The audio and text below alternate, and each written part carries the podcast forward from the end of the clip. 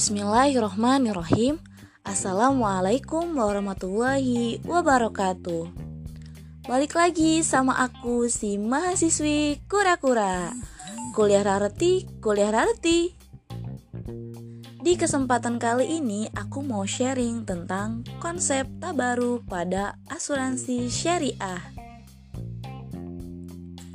Secara umum, Konsep asuransi merupakan persiapan yang dibuat oleh sekelompok orang yang masing-masingnya beresiko menghadapi kerugian kecil.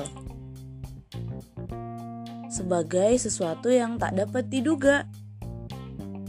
Sesuatu yang tak dapat diduga kejadiannya ini dan dapat bernilai ekonomis disebut juga dengan risiko.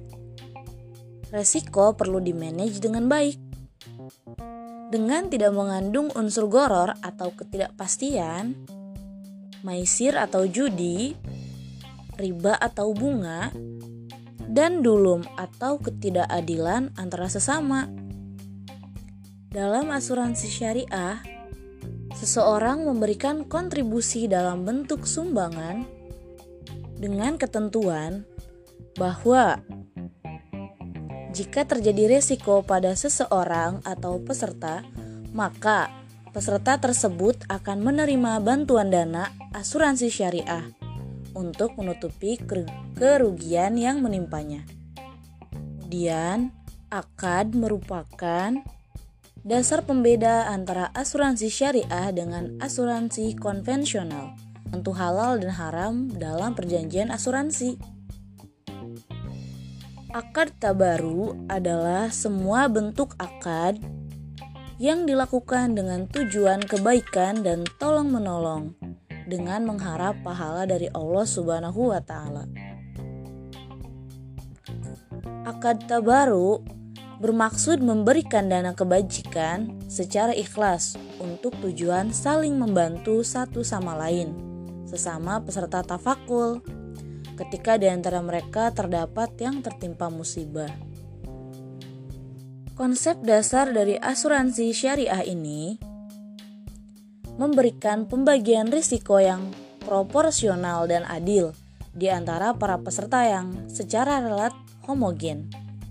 Dengan semua konsep yang asuransi syariah ini, maka diharapkan dalam asuransi syariah para peserta tolong menolong dengan peserta lain disertai dengan adanya perlindungan yang sifatnya mutual, sehingga semua peserta akan merasa aman dan menikmati perlindungan yang mereka butuhkan.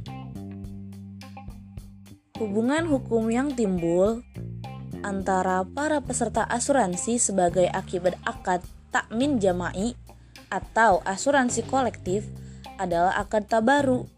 Setiap peserta adalah pemberi dana tabaru kepada peserta lain yang terkena musibah berupa ganti rugi atau bantuan klaim yang menjadi haknya dan pada saat yang sama pun berhak menerima dana tabaru ketika terkena musibah.